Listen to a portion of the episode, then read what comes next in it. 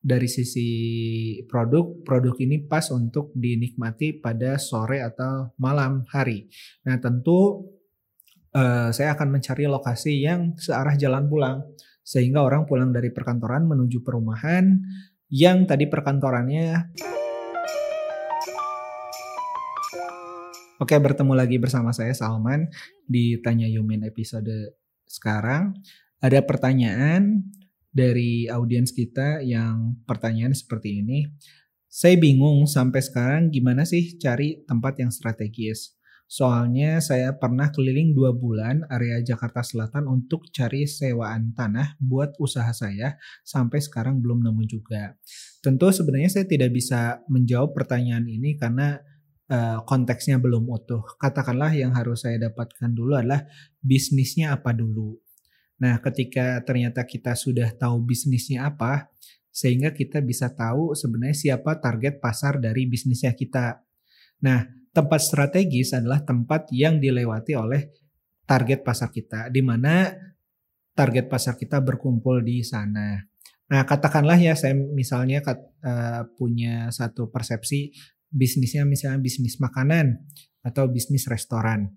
Nah, target pasarnya adalah Eh, orang-orang perumahan atau perkantoran misalnya yang uh, punya kemampuan beli di angka 100 sampai 200 ribu untuk sekali makan. Nah dari sini sebenarnya sudah ada minimum dua aspek yang bisa kita dapat. Yang pertama aspek demografis yaitu orang-orang perkantoran atau perumahan yang punya daya beli uh, 100 ribu sampai 200 ribu dalam sekali makan. Nah silahkan dicari kira-kira di daerah mana di Jakarta yang memenuhi aspek tersebut. Itu yang pertama.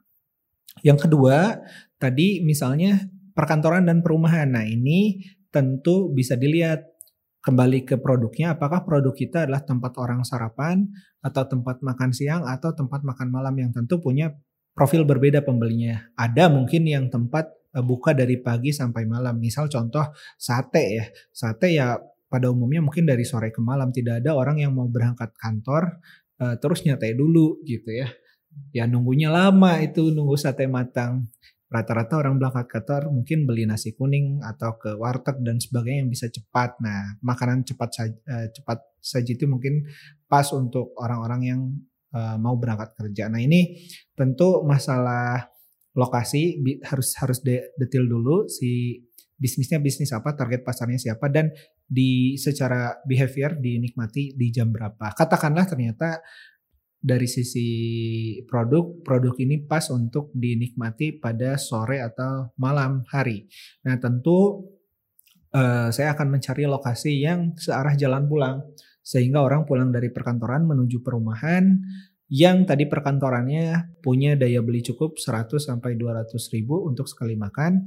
Nah di perjalanan pulang sebelah kiri jalan. Jadi tidak perlu sebelah kanan jalan. Kalau sebelah kanan dia harus muter dulu katakanlah dari perjalanan uh, dari kantor ke rumah itu dicari yang di sebelah kiri sehingga dia tidak perlu muter lagi.